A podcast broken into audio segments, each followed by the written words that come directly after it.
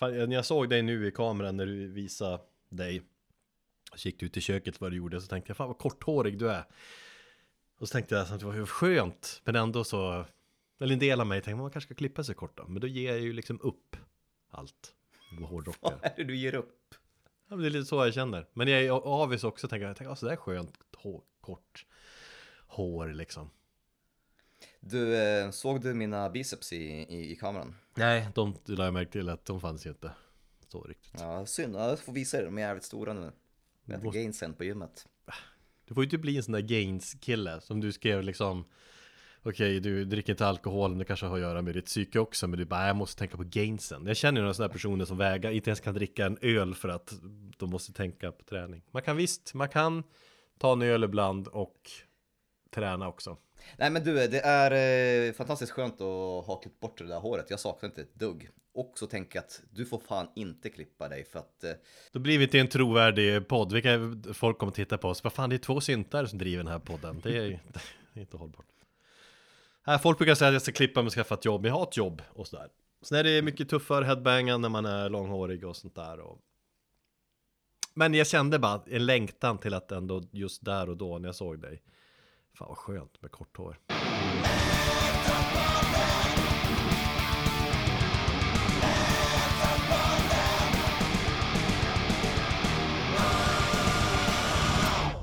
Hej och hjärtligt välkommen till avsnitt 143 av Metalpodden med mig Erik och med min kollega Thomas. hallå. Vet du vad 143 står för? Det Nej. står för, det är en kod för vad då? Jag vet inte. I love you. Är det siffrorna i alfabetet då eller? Nej, men det, I, det är liksom 143. Det är, det är en bokstav i, i ordet I. Det är fyra bokstäver i ordet love. Jaha. Och det är tre bokstäver i ordet you, så 143.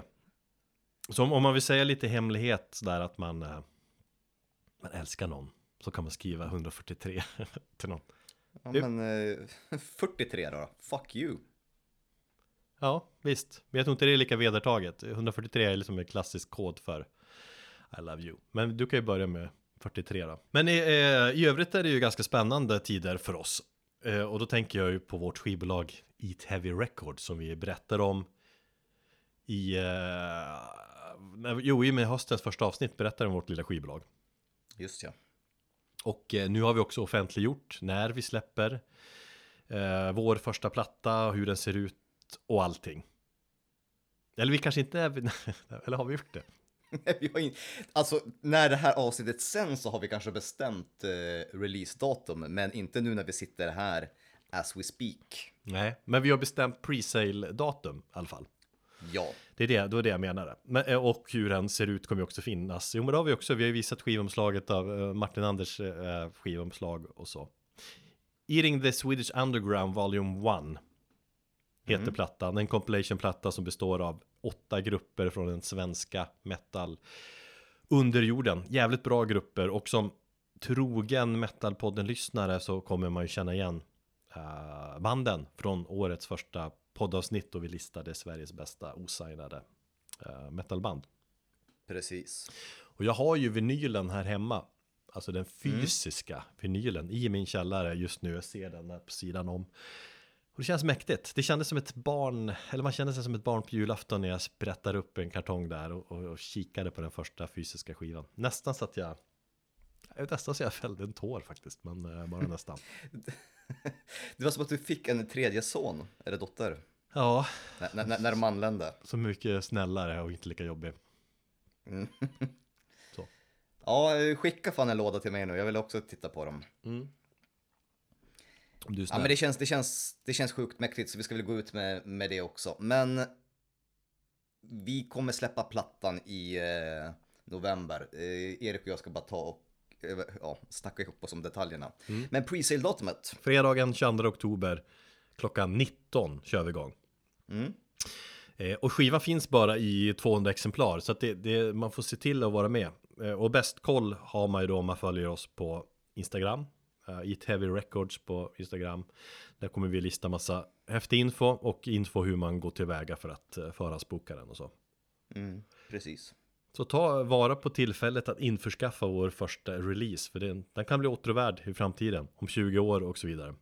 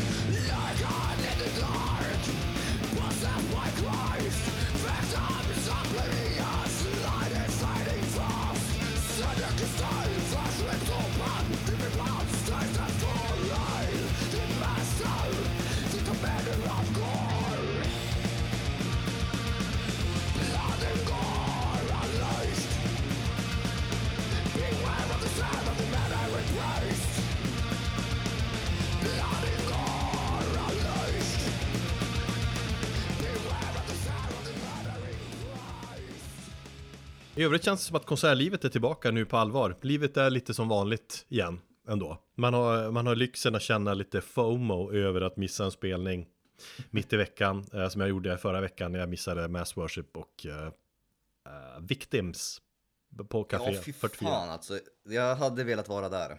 Mm. Men det är så det ska vara, man känner, åh oh, shit, den här lyxen att Åh, oh, fan det är mycket spelningar, jag missade det där och jag missade det där. Men så då känns det som att det är lite på riktigt igen. Jag kände att liksom att uh, fan pandemin, vad är det för någonting? Kommer vissa säga nu, men dum i huvudet, pandemin är inte över. Nej, men fan konserter är ändå tillbaka. jag sätt. har ju inte riktigt fått känna på den här, den här känslan som folk har beskrivit. För många av mina kompisar, dig inkluderat, som, jag, som har gått på sin första spelning efter mm den här pandemin, ehm, de har ju beskrivit hur förlösande det har varit och, nästan magiskt och overkligt att gå på, på spelningar. Ehm, och den känslan har ju inte jag känt med, med tanke på att jag inte har varit på en spelning än, men förhoppningsvis så kommer jag åtgärda det här inom den närmaste månaden. Mm. Ja men det får du se till att göra. Det, det är någonting med, alltså att det är mycket folk, det är liksom varmt och så sen ta en öl där kanske eh, om man vill. Eh, inte du då för du tänker på gainsen. Men Precis. Eh, ljudet, lukten och, och så liksom bara, bara, hög musik. live, liksom man bara wow, det är högt. Det var, var härligt det här var. Mm. Det har man glömt lite grann faktiskt. Man sitter med, lyssnar på musik, sina jävla lurar, fejkat sätt att lyssna på musik. Det är ju live man ska uppleva musik. Det är det som är det, the real deal. Så har det varit sedan tidernas begynnelse. Mm. Så det är härligt. Eh, sen kände jag ju också att konsertlivet är fan tillbaka ännu mer när, jag köpte plåtar till Tools eh, spelning i Globen. Du gjorde det alltså? Jag ja. missade det helt och hållet.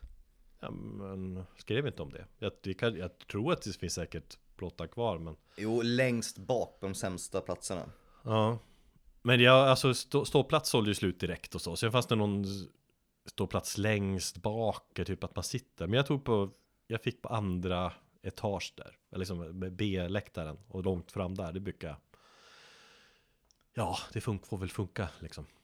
Vad kostade biljetterna? 2000? Ja, typ tusen styck eller nej, jag vet inte. en njure. Ja, nej men upp mot tusenlappen. Så att det är ju inte jättebilligt. Nej. Men det fann just den här känslan av att ha sådana storkonserter att se fram emot. Det som ligger något år eller ett halvår framåt. Det, ja, men det ska bli kul. Mm. En annan sak, om vi ska fortsätta snacka lite konserter och, och inne på det som en annan sak som peppar upp mig som fasiken var ju teasern som Entombed gick ut med på sitt uh, konto. Där, uh, där Entombed-loggan, den klassiska, uh, ligger liksom ovanför en byggnad som med 99% säkerhet 9,9 eller 100% säkerhet är en av gasklockorna där i i uh, Gävle. Just ja. Vilket man då tolkar som att uh, ja, men en tum kommer ju spela på Gävle Metalfest eller Gefle som du säger. Uh, så dit måste vi ju dra, eller hur? Ja, det är ju jättemånga band. Vi snackade om att vi skulle sticka iväg på Gaffle metalfest eh, innan corona. Vi hade ju liksom bokat hotellrum och allting ju. Så att Hade vi? vi får se till att fixa det. Hade vi bokat hotellrum? Ja, eller min vän Niklas hade, han som brukar foto- fotografera lite live-gig åt oss. Han hade bokat åt oss. Just det, vår hemliga metalpodden-kollega. Ja, Ja, jag Jo, just det. det för dig. Ja. jo, just det, men det, det, kommer jag ihåg nu, så länge sedan där. Så att ja, vad fan, det tycker jag vi siktar på. Niklas, du kan boka ett rum redan nu. Mm. Eh, ja, men alltså, jag är ju lite så här, jo visst, det vore ju skitkul att se en tom, absolut inte, men jag, eller absolut, men, men jag, jag är inte så superpeppad. Nej, men det Därför- kommer väl. Men, men det, det, alltså, det ska väl, framförallt ska det väl bli spännande att se om de teasar andra spelningar och vad som händer. Men framförallt, och det här är väl liksom, eh, om jag ställer liksom 10 000 kronors frågan till dig. Eller 10 000 kronors frågan, säger man så fortfarande? 10 000 kronors frågan. Jag tror det. Från kvitt eller dubbelt va? Du vet att det var, ju- Ja. det var jävligt mycket pengar när det gick för massa decennier sedan.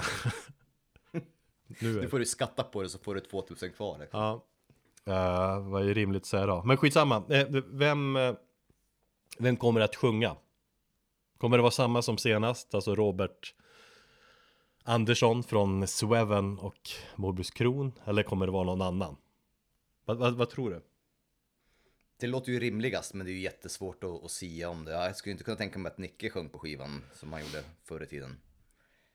På, på första liksom. Ja, för sjunga på skivan kanske, men jag tänker live nu när de spelar det på jä- jävla Jo, jo, metalfest. jo, jo. Kommer de Ja, plocka men- in orvar typ? Det vore trist, men... Eller kommer de kanske göra att de plockar in massa sångare och gör en sån där grej, men... Nej, de känns som att de vill vara ett band, liksom.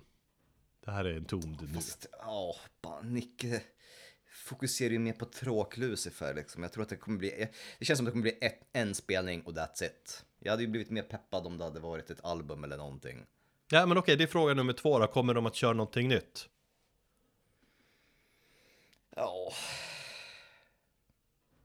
Jag vet inte. För att de har ju sagt att de har skrivit, liksom, det har väl kommit fram att Nicka har ju skrivit typ eh, vad han anser typ en ny, en tonplatta och Uffe har skrivit grejer och sånt där. Ja, Eh, kanske. Så det är väl fullt möjligt att de i samband med det försöker, släpper någonting nytt eller så. Va- Varför inte? Sen av respekt för LGs död så kanske de har avvaktat lite grann. Jag kan tänka mig att de har tänkt, hade tänkt att göra det här för något år sedan då. Mm. Eh, Ja, pandemi kommer väl i vägen också men Nej, det blir väl kul En ton, vad fan Det är ju lite en tonpodden det här ändå eh, Från och till Vi sticker på festivalen. Det gör vi, då ses vi där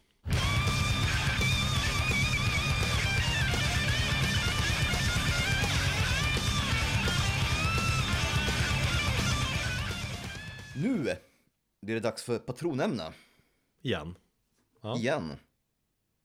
Det är vår eh, kära patron Magnus eh, Heldesjö Som har bestämt ämne åt oss Ska du eh, läsa lite grann vad han har skrivit till oss Och vad, vad han har gett oss för eh, uppdrag Eh, det kan jag absolut göra. Eh, vi tar inte hela texten för den är så superlång, men eh, företeelsen med covers är något jag har en hatkärlek till. Åtskilliga gånger har jag en medioker eller föråldrad låt lyfts till nya höjder av ett nytt hungrigt band i en genre som man själv uppskattar mer än originalets utförande.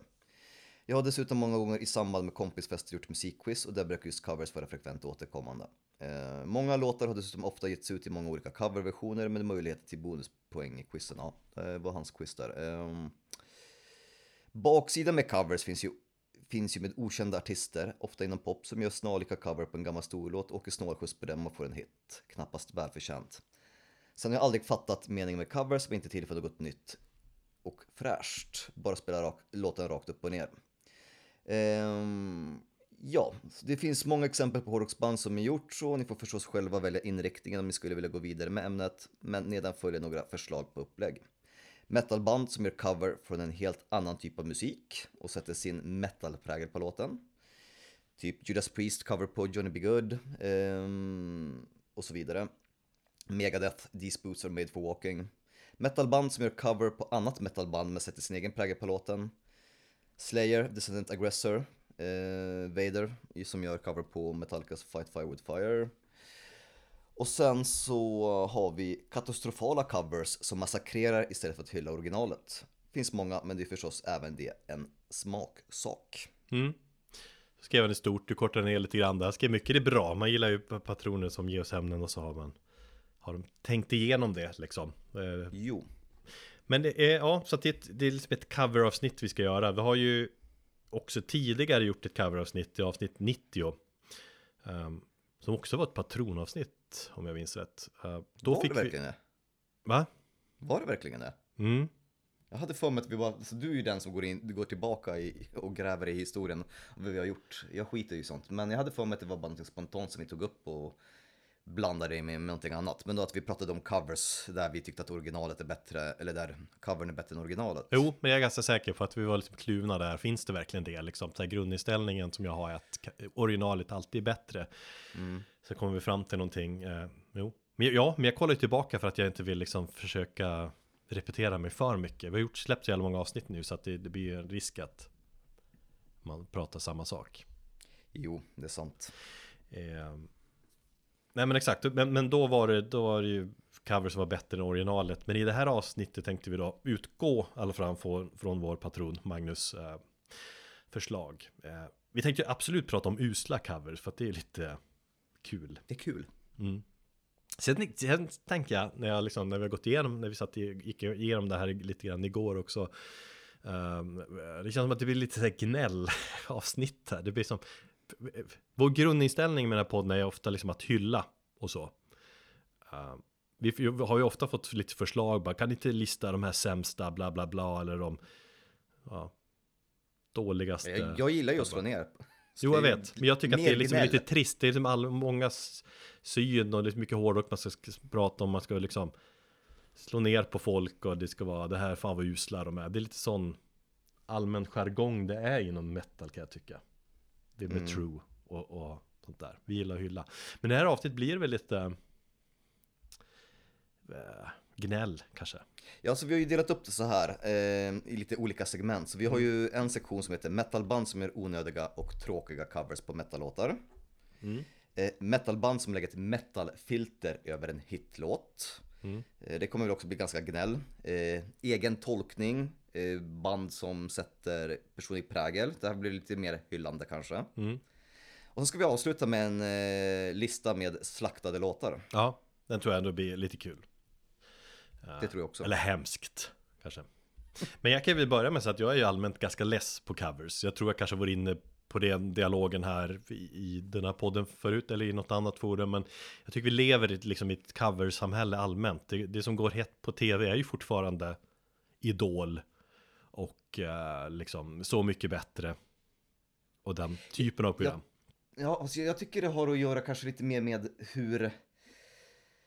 Alltså det allmänt är ett, en kulturell företeelse där man ska rehasha gamla grejer och det är så svårt att vara originell. Men det behöver inte bara gå till musiken, det är bara att titta på, på Hollywood hur man bara gör reboots och rehashar gamla stories om och om och om igen. Och det, är Absolut. lite Ja. och det blir ju lite grann som med musiken också när, när, när artister bestämmer sig för att göra covers istället för att komma på någonting or, originellt. Ja men även in, inom tv-spel tänker jag nu. Jag som har hittat tv-spelet igen sen jag Mm. Eh, eller jag tappade, men jag kör lite mer nu när jag, när jag har, har min PS5. Men där är det också mycket så, det är uppiffade varianter. Det kommer en remastered version av Alan Wake nu, ett spel Just som, som kom för tio år sedan. Eh, det har gjorts en remastered version på Dead Space eh, som kommer, som jag i och för sig jag började dregla över när jag såg grafikjämförelsen med originalet. Och jag tycker att det är ett, ett av världens bästa spel genom tiderna, men vad fan, jag vill ju ändå ha någonting nytt hellre om jag får välja. Än en, alltså en uppföljare än att liksom en, en remake. Jag spelade den remasterade versionen av Baldur's Gate, ett 23 år gammalt spel här förra veckan. Ja. Så att, jo, jag håller med dig. Det men, och lite så är det ju liksom inom musik också. Jag lys- lyssnar hellre på nytt egentligen, att man ska liksom tolka något som redan har spelats in en gång. Ja. Um, men vi kanske ska, för det blir lite tråkigt, och, och det är väl där vi kanske ska börja när, när covers blir tråkiga.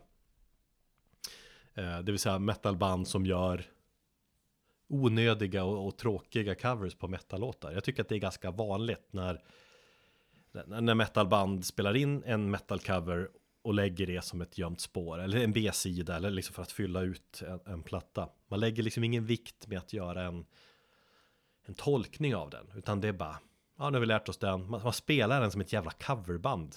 Liksom. Mm. Och vi har lite exempel där. Eh, Machine Head hade, de har gjort, gjort många covers, vi kommer prata en del om dem idag. Men, men de hade ju två extra spår på The Blackening där de spelar Battery med Metallica och Hell of Be Thy Name med uh, Iron Maiden. Just ja. Och visst, man, man hör ju såklart att det är, det är Machine Head och det är välspelat och så, men de spelar liksom låtarna bara mer eller mindre rätt upp och ner. Utan att mm. göra någonting nytt med det, vilket är bara, det är onödigt och det är trist. Trivium har ju samma sak när de gjorde en cover på Master of Puppets. Ja.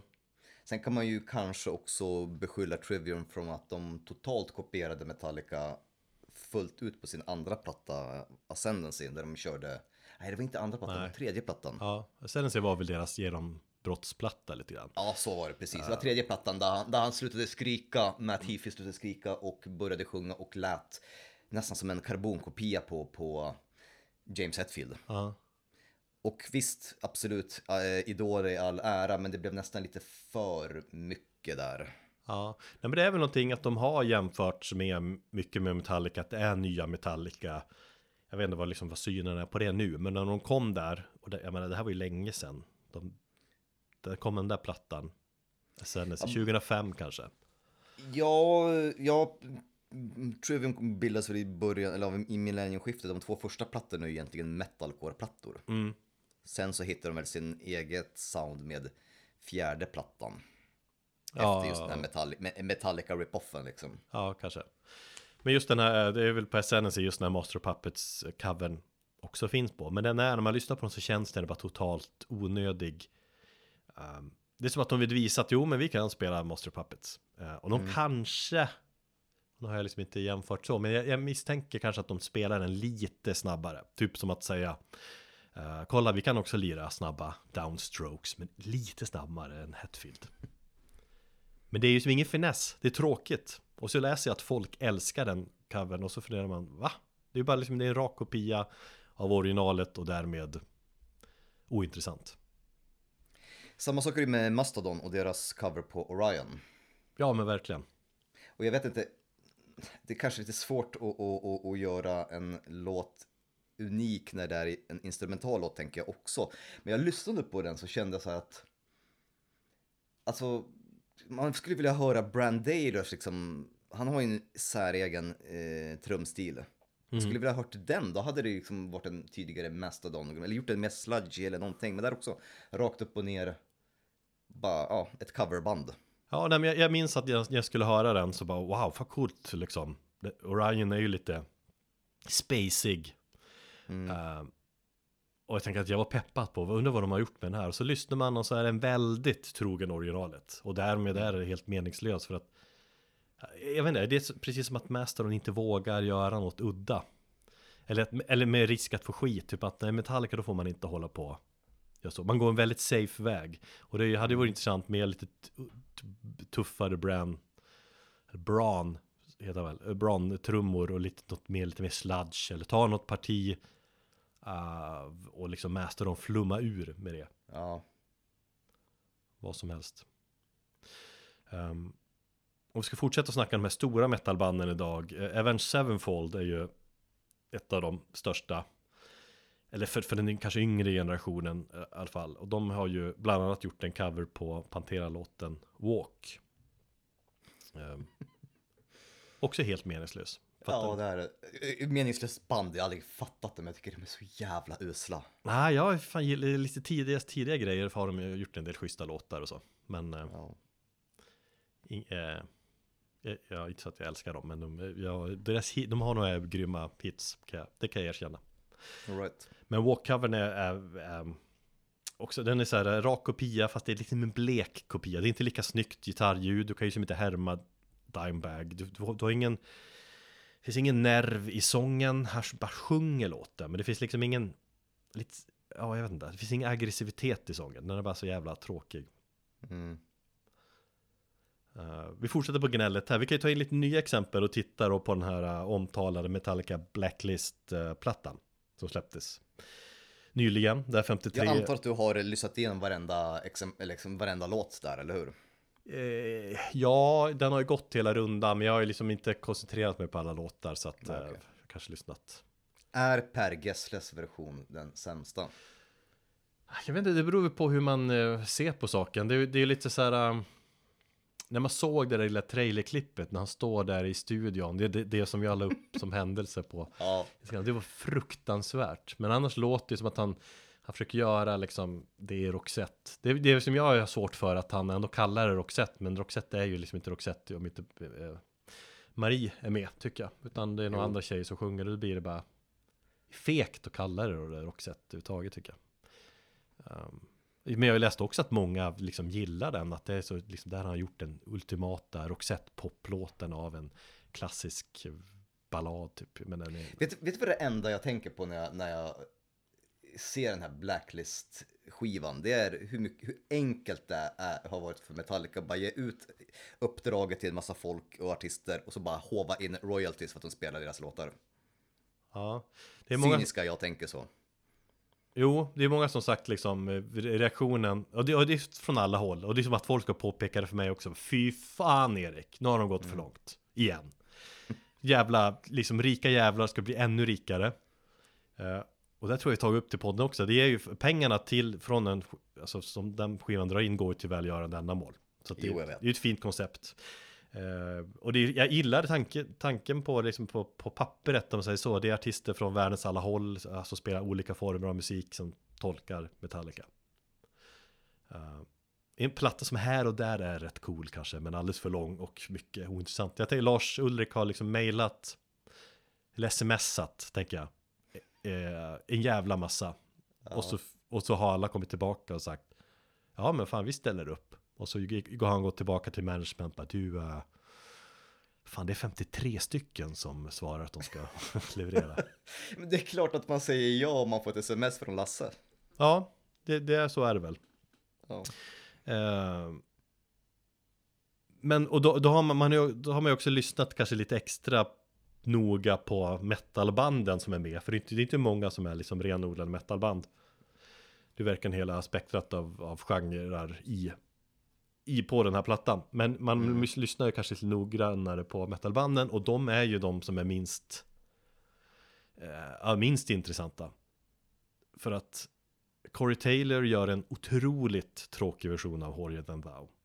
Yes. Det är samma tänk där, den är helt meningslös. Det hade liksom varit intressantare att se Slipknot kanske göra en tolkning och göra lite mer kaotiskt på något sätt. Men det här är liksom Mm. Corey Taylor som är som är ute med sitt coverband och som spelar Metallica. Eh, även Ghost-covern, har du hört den? Ja. fascinerande, tråkig när gjort. Enter Sandman, det, det är som otroligt trist, men där har ju dock Tobbe Forge sagt att han har, eller att han hade bara ett par dagar på sig mellan, typ, mellan två turnéer och göra klart den och då hade han inga annat val än att köra på Enter Sandman för att det, det var den de fick, skulle uppträda med på Polarpriset. Just ja. Så det är väl en okej ursäkt. Mm. Jag såg en intervju med Metallica nyligen där de liksom så här 40 år 40 års intervjun där de ja, bland annat pratar om eh, Blacklist-samlingen och så reagerar på att James Hetfield sa att nej, men de har inte, alla de här som har bidrag, de, de, didn't phoned it in. Alltså det är inte så att de gjorde någon enklare variant, utan de har verkligen lagt ner tid och energi och, eh, och det måste han väl säga, men han har ju inte, han har ju fel. Det är många som inte har lagt särskilt mycket energi på det här. Per Gessle ringde in i skiten. Ja, det gjorde han verkligen. Eh, ja, nej men jag, jag, jag, jag tror att vi har varit ganska tydliga med vad vi tycker är tråkiga och, och onödiga metal covers. Så det finns så många av den här typen. Ja, jag vill ju dock poängtera om vi nu ska vända gnället till något positivt så tycker jag, det har vi ju sagt, eh, eller det sa vi ju tidigare i podden att Biffy Clyros version är ju jättebra. Där har de gjort en egen bra tolkning. Du gillar ju Volbeat också.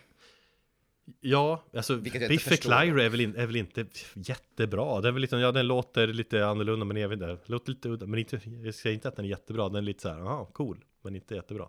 Eh, jo, det- exakt, jo men Volbeat tycker jag ändå gör sin grej. Det låter väl Jag, jag har inte lyssnat så mycket på senaste Volbeat-plattan. Jag tycker liksom det låter någon typ av dansbandsmetal. Jag har väldigt svårt att förstå varför de är så stora. Men tidiga Volbeat hade ändå något lustigt med någon så här äh, Elvis och Metallica blandning. Lite så här, det här var lustigt. Och den här tolkningen är lite mer, lite mer old school Volbeat tror jag många tycker.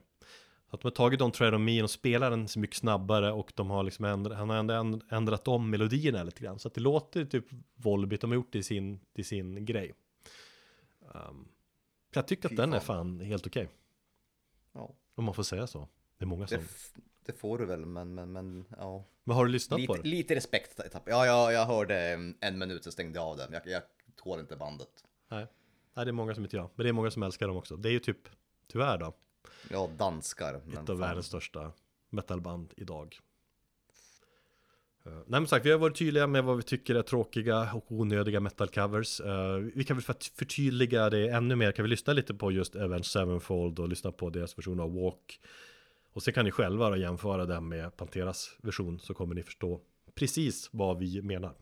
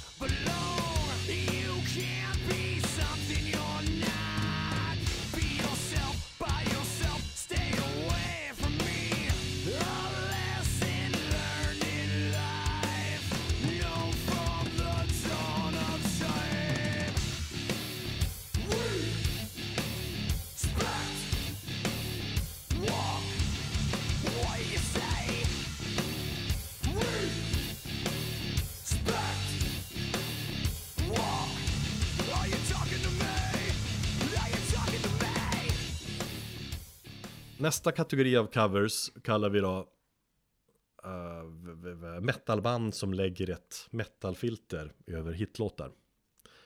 Och som i, i regel ofta blir tråkigt uh, resultat. Jag, jag läste vad, är det, vad, är det, vad är det första du tänker på när du tänker på ett metalband som gör en uh, cover av en hitlåt? Fekt. Nej, jag vet inte. Tråkigt. Eller vadå, ja. i ett första band ja, men i band då?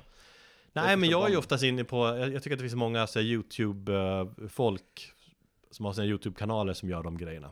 Mm. Och jag tänker också på att jag får sådana länkar från folk. Du vet mina gamla övikspolare typ som inte engagerar sig så mycket kring ny spännande metal utan de, är, de har liksom, de, är, de fastnade någonstans där för 10-15 år sedan och så kommer det någon kul metal cover då får man en bara, lyssna på den här du förstår väl att du måste eh, se upp kontakten med dem? Så där kommer du inte hålla på. Nej men alltså det mm, Alla är inte lika fullblods metal nördar som du och jag Och det är Nej. klassiskt att när folk skaffar familj så har man inte tid eller ork Och så tappar man liksom intresset Och så reagerar man när det kommer någon lite rolig cover Men, mm. men, men jag såg någon YouTube kommentar på någon av de här exemplen vi ska prata om där en person hade skrivit uh, Let's be honest, anything metal touches turns into gold Nej, men, och, och, det, nej, men det, och det verkar vara mångas inställning allmänt att om man tar bara en hit vilken hit som helst, bara poplåt och, och så gör man den i metal-tappning, du vet, bara lite tuffa ja. distade gitarrer, bara vi, vi bara vi stämmer lite, stämmer ner lite grann och så, och så, och så lägg på lite growl och bara gör allmänt metal så blir det automatiskt bättre. Och det är objektivt fel. Ja, för det är det ju inte liksom, eh, eh, ja men här är en hitlåt, vi lägger på lite metafilter så blir det fett. Nej, så är det ju inte. Vi, vi tar några exempel då. Och här vet jag också, känner jag ju, eller att vi, vi kanske inte kommer att vara överens. Eller det är många som inte kommer att tycka som vi här, uppenbarligen. Eh, så det får ni kommentera med om ni inte håller med. Det finns en kille som heter Leo Moraccioli. Moraccioli. Är det italienskt eller något sånt där? Men han, han är norrman i alla fall.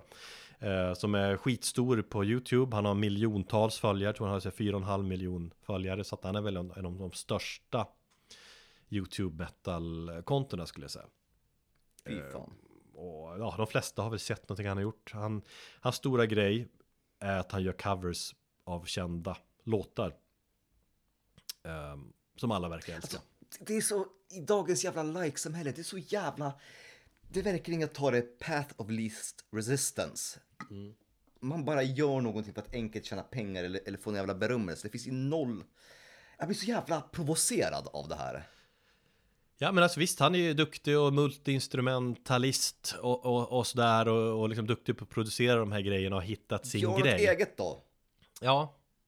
Ja men visst många med att han gör ju det är ju så hans egna grej. Han var kanske först med det här. Jag tror han har gjort hundratals olika versioner uh, gissar jag på. Uh, och alla verkar älska det så att det är klart att han fortsätter. Men jag tycker att det blir så uh, generisk liksom metal av alltihopa. Uh, det blir liksom Ja, men, många älskar hans cover på Adele-låten Hello. Jag tror att det är den kanske är en av hans mest kända. Men nej, jag, jag föredrar Adele då, liksom alla dagar i veckan. Men det är väl för att jag är en sucker för uh, ballader också. Mm. E-, ett annat band, Bad Wolves, det band som jag har ja, jag vet inte, noll koll på kan jag väl erkänna då. Det är amerikansk uh, modern metal spelar de väl. Uh, mm. De har en populär cover på Cranberries superhit uh, Zombie. Och den låten tog liksom fart igen när, när sångerskan Dolores heter hon va? Från ja, när hon dog ja. Och när hon dog. Så att då började mm. den här hitten spelas igen. Uh, de rider ju lite grann på den vågen av hennes död. Jag tror att det här är liksom, jag tror att det var liksom deras första hit. Liksom de släppte den här låten så blev en hit. Uh, och så sen, eh, exakt, när hon dog så blev den stor igen.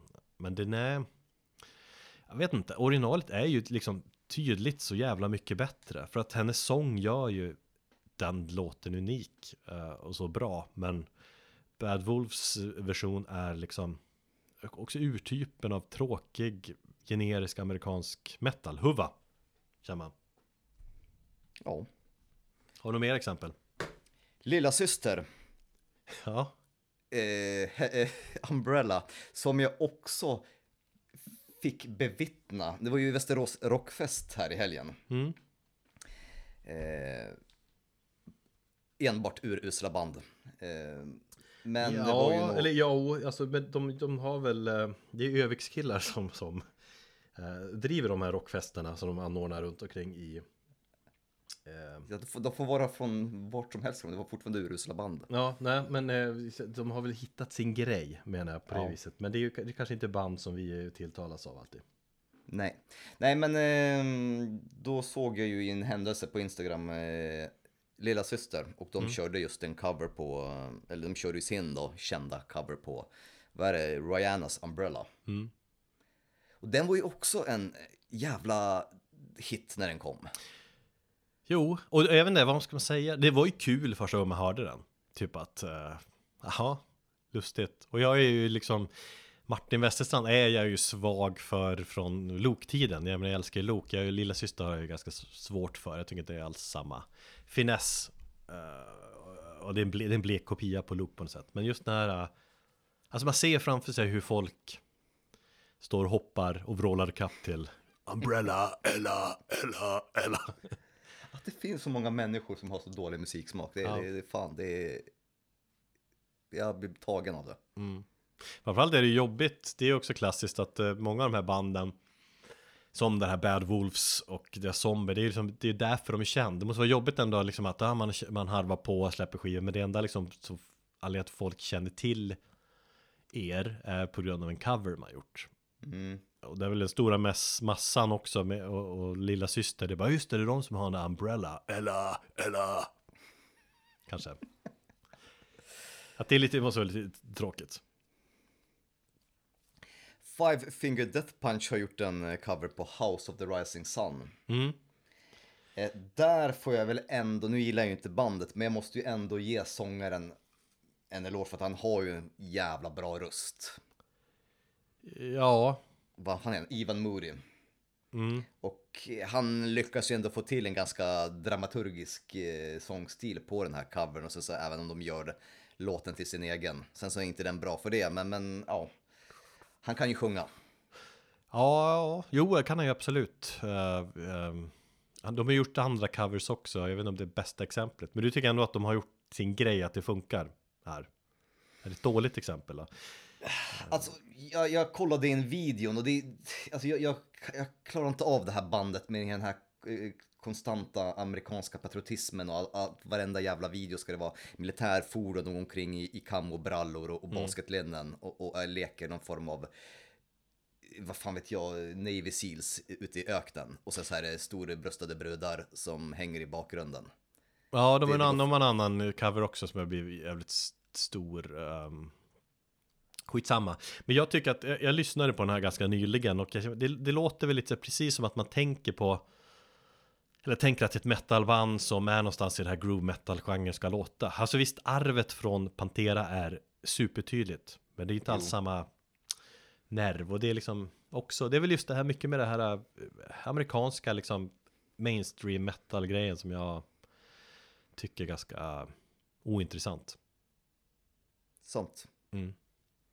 Uh, så att vi är väl ganska tydliga här också vad vi menar med att när man lägger ett metal-filter på, på en hit typ. Vad gör det till metal och då blir det automatiskt bra menar många. Att så fort det är distad gitarr och growl då blir det ju bättre. För att det är liksom, det är ju bättre. Men så är det ju inte tycker vi. Uh, men för att liksom vara lite tydliga här då vad vi tycker så kan vi lyssna lite då på Norman Eleos metal YouTube-version av Adele-låten Hello.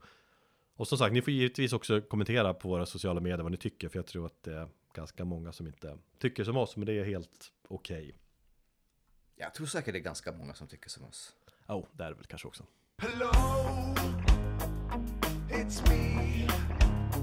I was wondering if after all these years you'd like to meet to go over everything. They say time's supposed to heal, yeah, but I ain't done much healing. Hello,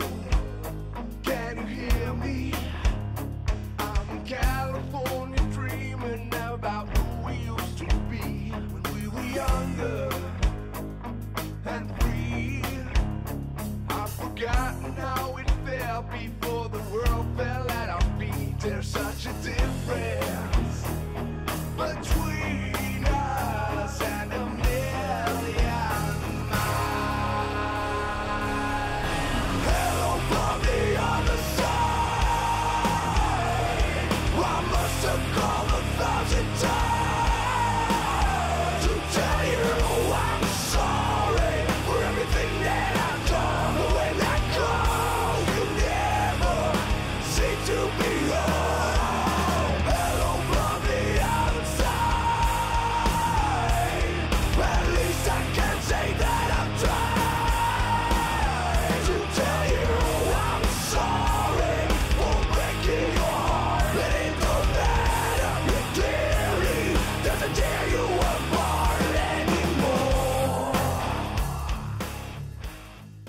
Jag vill ju dock också då i samma typ av, när vi snackar den här kategorin så vill jag ju spela lite av en låt som ett exempel på en låt jag tycker att man har gjort rätt, där man har lagt på eh, lite av ett metalfilter, men där ändå låten tycker jag blir jävligt bra. Och vi har ju gnällt på Machine Head tidigare, så kan vi ju som en, ändå hylla dem lite grann. Mm. Och, eh, och, och jag vet inte, när, när vi börjar prata det här avsnittet och vi ska snacka covers, då kommer den här låten upp i hjärnan på mig. Jag vill ha med den på något sätt. Och det, det, det är en B-sida från uh, mörka och tunga The More Things Change från 97. En platta som jag nästan tycker det är deras bästa ändå. Det är deras mörkaste platta på något vis. Um, och där tolkar Machined uh, eh, Ice-T-låten Colors, som är en, ja men det är en, det är en rapplåt. Det är Rob Flynn rappar där. De Det känns ju också det känns ju ganska logiskt om man tänker på um, Flynns historik och han kommer från ja, gatan och ändå rapvärlden. Jo, precis. Och de använder Nej men exakt, hiphopen har alltid funnits vid Machinets sida, inte bara liksom eh, ehm, från nu metal-eran, utan det, det har det har ju Rob Flynn varit tydlig med, liksom att han är, han är älskar hiphop och så. Och det tycker jag märks tydligt här. De använder gitarren på ett väldigt snyggt sätt. De gör liksom Låten blir allmänt mycket mörkare och bättre än originalet. Så det jag tycker att det- de har gjort en liten metal-version. Det är inte liksom att de har gjort rap-metal av det, utan det är ändå rap att de har gjort en. De har lagt på metal-filtret på rätt sätt på något sätt. På rätt sätt på något sätt. Är du med? Ja. Så vi lyssnar lite på den.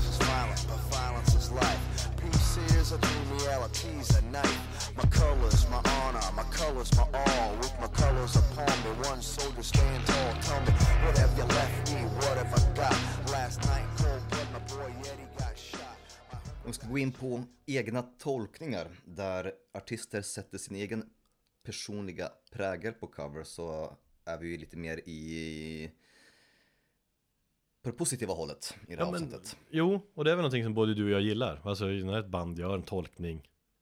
Alltså när man tolkar en cover. När man gör någonting nytt. Och man sätter den här personliga prägeln. Det fanns ju inte så många bra ehm, exempel där vi ändå var, var överens. Utan vi kämpade lite grann med just den här, vi försökte hitta någon positiv sida. Ja, nej vi kanske inte har tänkt. Jo, men. Eh, vi har ju några exempel i alla fall. Nej men vi kan börja med. Eller, vår patron Magnus, han hade ett exempel på, på det här när man gör sin, sin, sätter sin prägel på det. Och han listar då Type of Negatives cover på Black Sabbath-låten Black Sabbath från plattan Black Sabbath. Uh, och där är ju grym, Black Sabbath. Black Sabbath. Black Sabbath. Eh, men jag tycker ändå att, att Type of Negative gör en ännu bättre tolkning av Sabbath-låten Paranoid. För då blir det, det blir en tydligare kontrast. Där tar man liksom en rätt rockig dänga som Paranoid är i originalutförande och så gör de om den till liksom en typisk Type of Negative Doom-låt. Som är svinbra. Um, vi kan lyssna på, på den.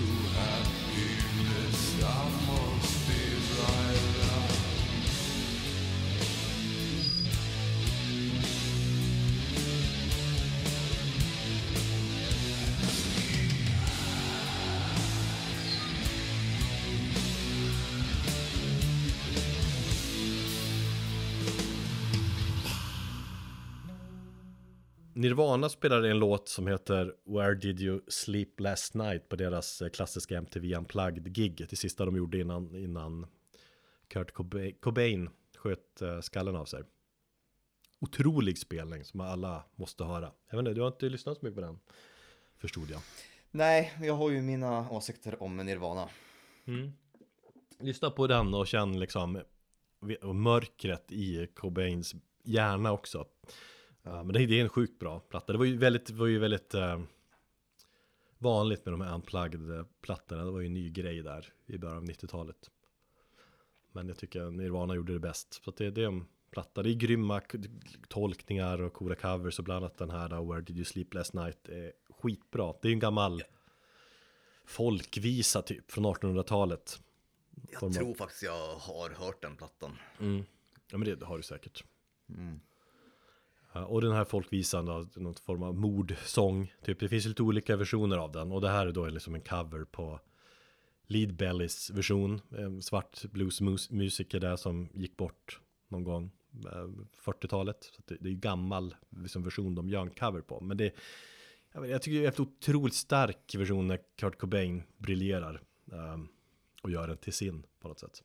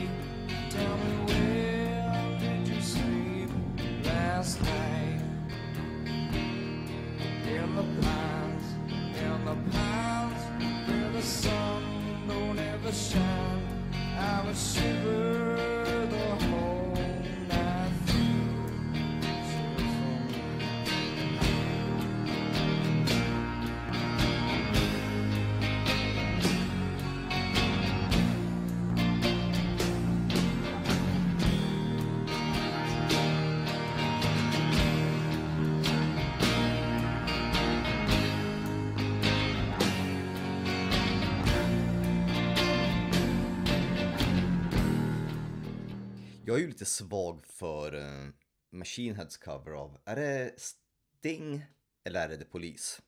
Message in a bottle. Det är väl The, Police va? Ja. Ehm, Fan mycket Machine Den- Head det snackas. ja, det blev det. Men de har ju gjort, jag vet inte, jag... Den bespottade The Burning Red-plattan där i, i, i nu metals absoluta toppskikt tänkte jag säga. Nej, men, ja, när, när, när nu metal var stort som fan.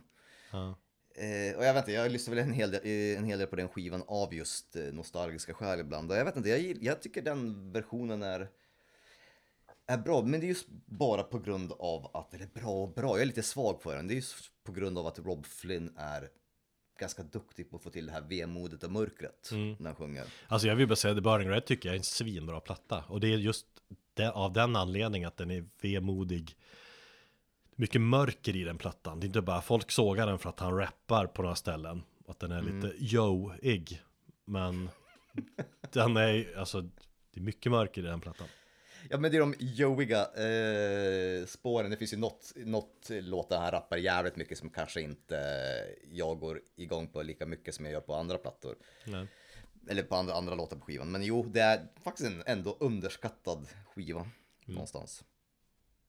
Nej men den, den, den, versionen är en egen tolkning, den känns väl, här, där har de ju lyckats, om du nu ska jämföra Machine Heads andra covers, så har de ju lyckats att göra en egen tolkning. För att det är ju det som är, är problemet när man, när man ser en cover, eller om vi ska gå tillbaka till det här med YouTube-covers och allmänt. Det finns ju två läger. Antingen så är det ett, ena lägret som skriker att det här låter ju precis som originalet, så gnäller de på att det inte finns någon eh, egen tolkning av det. Eller så finns det andra läget som, som gnäller om att det är totalt helt olikt originalet. Ja, precis. När man tar liksom bara, vadå, är det här samma låt? Ja, just det, det sjunger samma sak i alla fall. Men det är helt annat upplägg på låten och helt andra melodier. Men i vissa tar det för långt.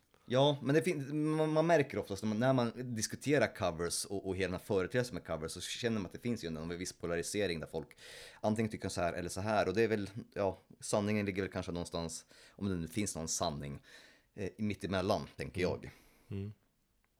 Eh, Slayer är ju annat eh, band, jag tänkte på deras eh, Undisputed Attitude coverplatta. Där de har lyckats ganska bra och speciellt deras eh, egna tolkning av eh, i wanna be your dog i Iggy Pop and the Stooges. Där de har tagit en Garage.dänga och gjort den till, ja, slayerifierat den. Ja, precis. Och det, men nu kanske många ändå tycker att, ja, men vadå, de har tagit en låt och så har de gjort en, sin metal-version av. Men jag älskar ju Studios, älskar Slayer. Och den här versionen är härlig för att, visst, det, ja, det är Studios i metal-tappning, men det, alltså, det är ändå, den är slayerisk. På ett Man, sätt. men man skulle ju kanske kunna anklaga den för att de har lagt på ett metalfilter. Men det är väl kanske ett av de här exemplen som jag tycker att det, det funkar ganska bra. Ja, men det, så är det. De har gjort det, men det funkar, det funkar i det här fallet. Så här låter det när Slayer tolkar Iggy Pop and the Stooges.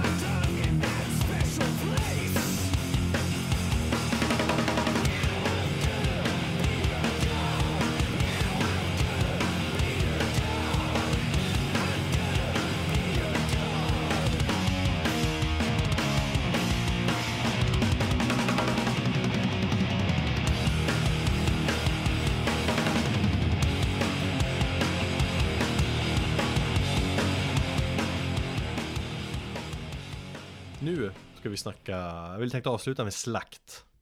Slakt av covers. Det roliga i det här avsnittet. Mm, kanske. Eller Jag bara- gillar ju ändå fan sparka neråt ibland. Jo. Men det är, jo men det här är kul för att det är, det är några det är usla covers. Eller bra exempel också när det, när det inte funkar. Det är väl till det vi är inne på. Ja. Så vi drar eh, listan rakt upp och ner här så får vi köra mm, varannan eller något sånt. Vi kan ju börja med Six Feet Under och deras serie samlingar som heter Graveyard Classics. Nu vet jag inte hur många de är uppe i det här laget, men jag tror det är miss fyra, kanske fem. Okej, då har jag missat. De, de, ja, de har släppt flera plattor med, med covers där de... Ja. Mm. Eh, Graveyard Classics, den första kom väl någonstans där kring millennieskiftet. Jag kan erkänna att jag lyssnade på den väldigt mycket oironiskt då.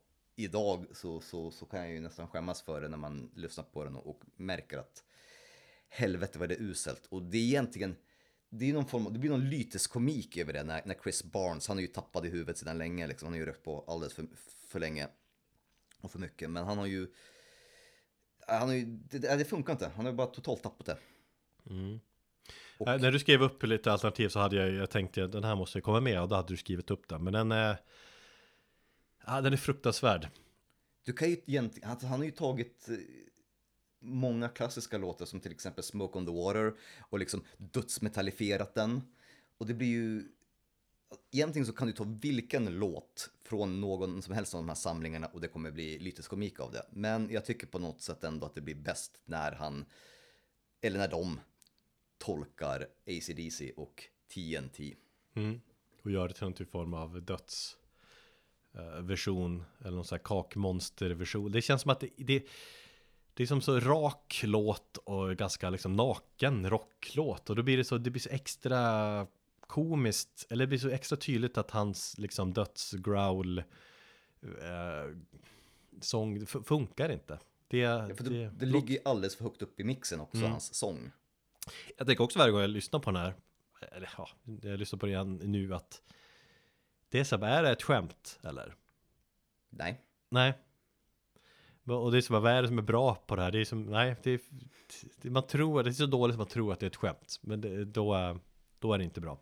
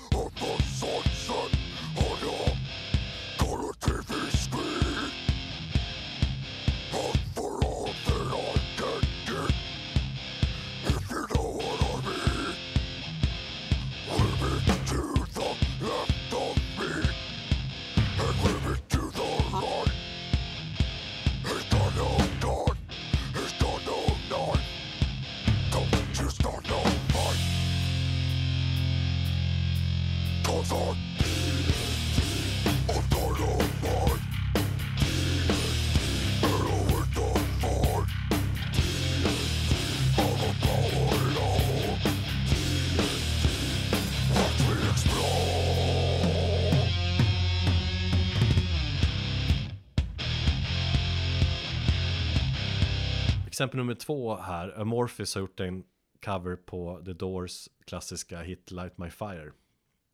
Och här är det lite samma sak, det är svårt att ta den här seriöst. Det, för mig låter det som Alltså visst, all cred till Amorphis som är väl Finlands liksom kändaste metalband, men det här låter som att det är ett gäng finska metal dudes som har tagit in på något karaokeställe i Helsinki. Finska och- fyllon. Ja, exakt. Nej, men det är så här, de finns metalband och så har de bara beställt in karaffer med, med bärs och och så ska de välja låt och så bara Fan, Light My Fire, den kör vi. Och så är det en sångare som growlar sig igenom den. Uh, för instrumentalt känns det väl som att den är ganska liksom, trogen originalet väl? Med orgel Jo, men- och allt. Och det, det är som att Det är exakt så, det är en karaokeversion instrumentalt och så är det en, en eh, finsk metal-gubbe som growlar över den. Om vi säger att eh, saxofon funkar jävligt bra ihop med metal och vi vill ha mer saxofon i metal så kan jag ju säga så här att orgel och metal funkar inte på det sättet som det är gjort här. För det blir ju ännu mer komiskt när orgeln kommer in. Ja, ja det skär sig totalt. Det är också Ja. så här huva.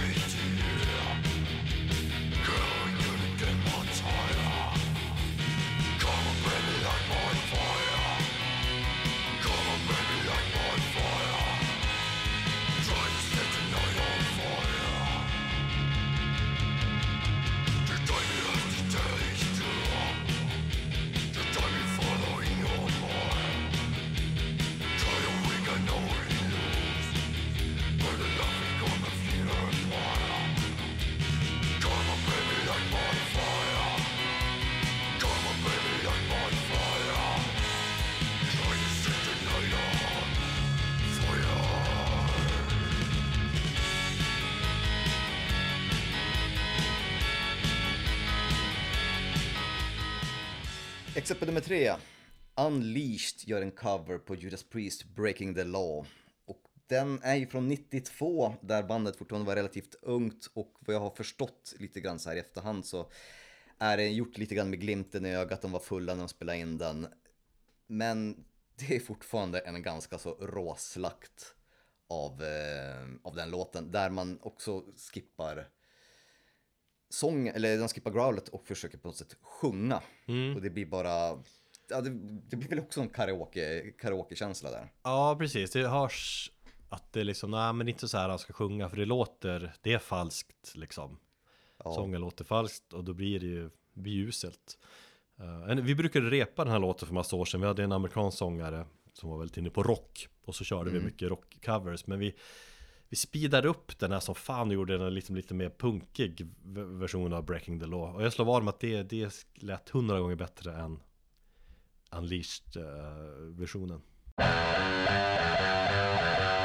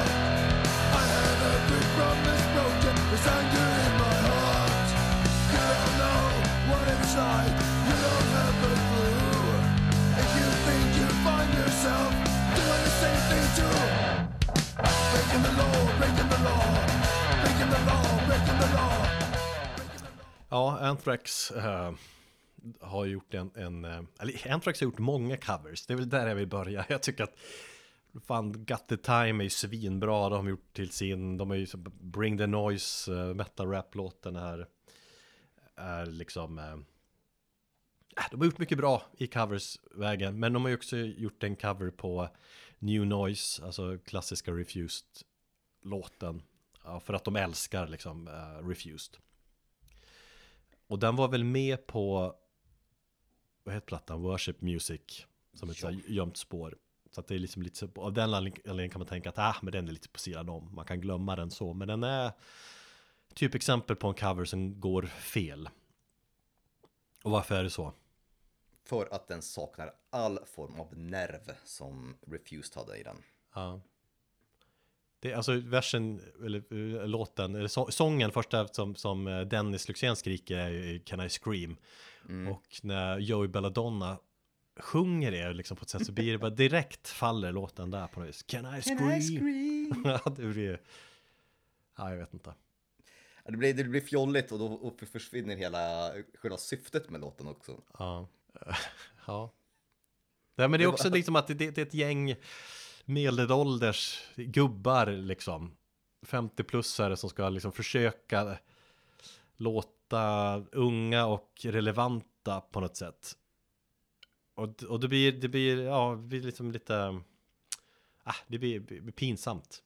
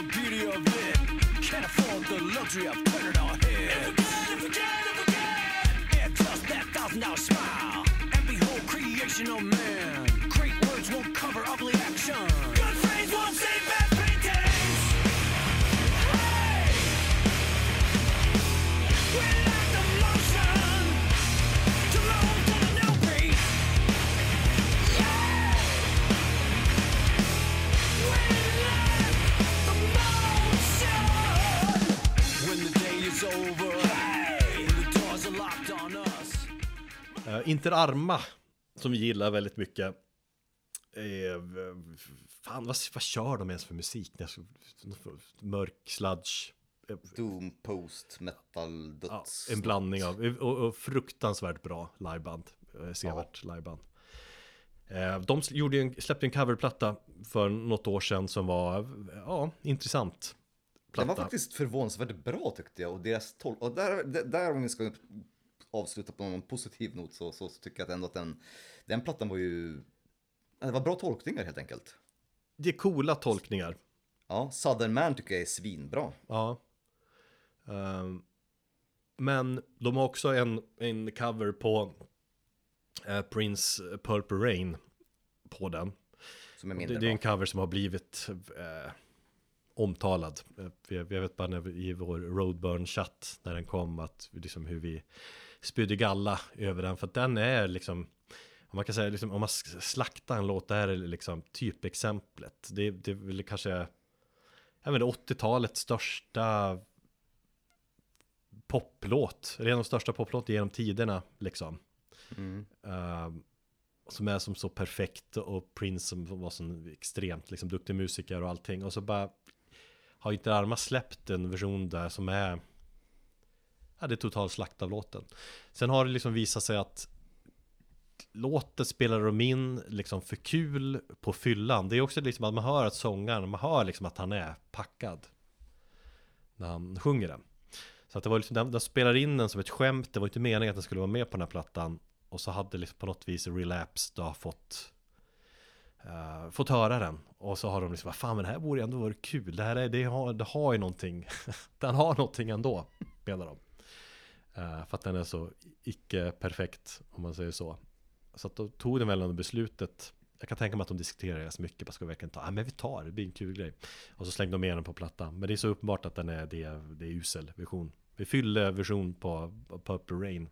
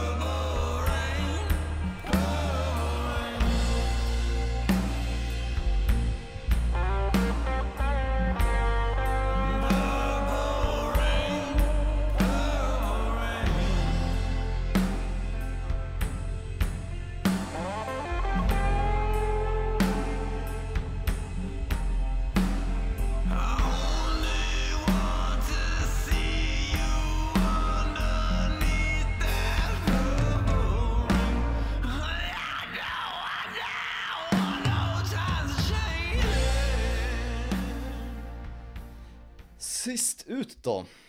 Tänkte att vi kunde ändå avsluta med ett skratt. Jag vet inte, hann du lyssna på den här låten? Mm. Och jag undrar då om du reagerade som jag, för jag låg fan i mig dubbelvikt på golvet när jag hörde den här låten. För jag tycker det var så jävla roligt. Vi, eh, jag satt ute på altanen och massa kids var och sprang omkring och- jag och Linn typ vaktade om och så spelade upp de här och när jag körde den här så Linn liksom tittade bara på mig och liksom sa att eh, det finns, det måste finnas bättre varianter av Metallica covers. Ja.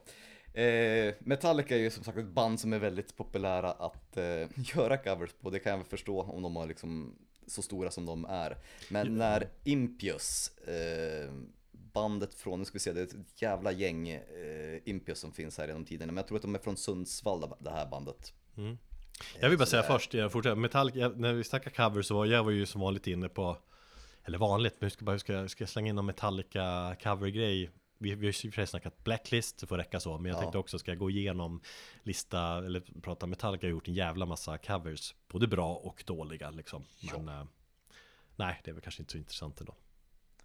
Från Trollhättan eh, är detta Impius. Eh, bildat 94, spelar Death Trash och de har gjort en hel del covers som de har slängt in som sådana här bonusspår och sånt på sina skivor genom åren. De har ju bland annat gjort på, på Sepultura, de har gjort på andra Metallica-låtar, Iron Maiden och de är väl liksom, de är väl helt okej ur ett coverperspektiv. Men när de ska tolka Metallicas One på skivan Born to Suffer så känns det som att de eh, misslyckas ganska kapitalt. Det är, det är en samlingsplatta tror jag, med deras best of. Jag, jag har ingen aning hur stora de här bandet är, men det känns som en C-gradens Death Trash band.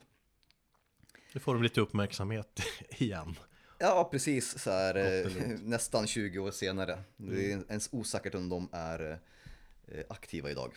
Ja. De har gjort cover på Mötley Crüe också som var Running Wild som var helt okej. Ja, eh, Metallicas Trapped Under Ice var helt okej liksom. Det var i alla fall ingenting som One eh, och Ja, jag vet inte. Det, det, det är egentligen, vi, vi kan bara liksom avsluta med den. Jag tänker inte säga så mycket mer så får ni själva ta och avgöra. Jo, men om du försöker förklara varför blir det så dåligt? För det första så kan du inte ha blast beats med i en låt. Nej men exakt, de lägger till det, det, det elementet på versen där Som kommer som en Ja, de har ju blast beats nästan i, i, i hela låten. Eh, dels så har de ju blast beats i början där, när, när fortfarande låten är balladig. Sen kan jag fatta om du skulle lägga till och ändra på någon, eh, någon form av egen, egen prägel på låten, lägga på blast beats när, eh, när låten går in i det hårda partiet. Men då fortsätter de bara med samma blast beat som dessutom också är totalt, de ligger i baktakt. Eller, eh, jag, jag, vet inte, det låter bara Det låter helt fel. De, ja, men de förstör ju låten. Alltså, det, det är ju en fantastisk, liksom, episk, de mest klassiska metallåtarna och det här dynamiken i låten och så. Förstör de ju totalt genom att osmakligt slänga in det här smatterpartiet där. Uh, det, nej, man måste nästan lyssna. Jag håller med dig för att förstå att det är dåligt. Ehm, men vad har vi kommit fram till då egentligen? Ska vi, jag tänker om man bara ska sammanfatta covers. Det är lite så här, bara, hur ska man göra bra, eller hur framförallt, hur, hur ska man agera för att inte göra bra covers? Gör en egen tolkning, sluta göra YouTube-covers för att få in likes och hova in, eh, hova in eh, monetization från YouTube-videos. Och också det kan jag också känna att det, är ganska trist att göra covers på jättekända hits. Ja, Bara, är inte det ganska uttjatat också? jo det, det, det kan jag hålla med om. Alltså det, det finns ju de band som har, som, eller de artister som har lyckats med, med att göra en cover på, på kanske den mest okända låten i ett bands repertoar. Mm. Det känner jag att det, det är ju mer intressant. Jag tror att Opeth och Mikael Åkerfeldt har väl gjort det. De har ju gjort lite intressantare covers. Men liksom som Ja. ett band, okej vad ska vi, hur ska vi, ska vi lägga till ett spår till? Ja men vi har en, vi har en cover på Master of Puppets. Eller liksom en Pantera-låt eller Maiden-låt. Det är liksom bara dumt. Ja. Ta något annat. Det är fan, skärp er. Då lyssnar vi på Impius och eh, deras totala slakt av One från eh, skivan Born to Suffer. Och den kom. 2004. Ja. Ta hand om er. Ha det bäst.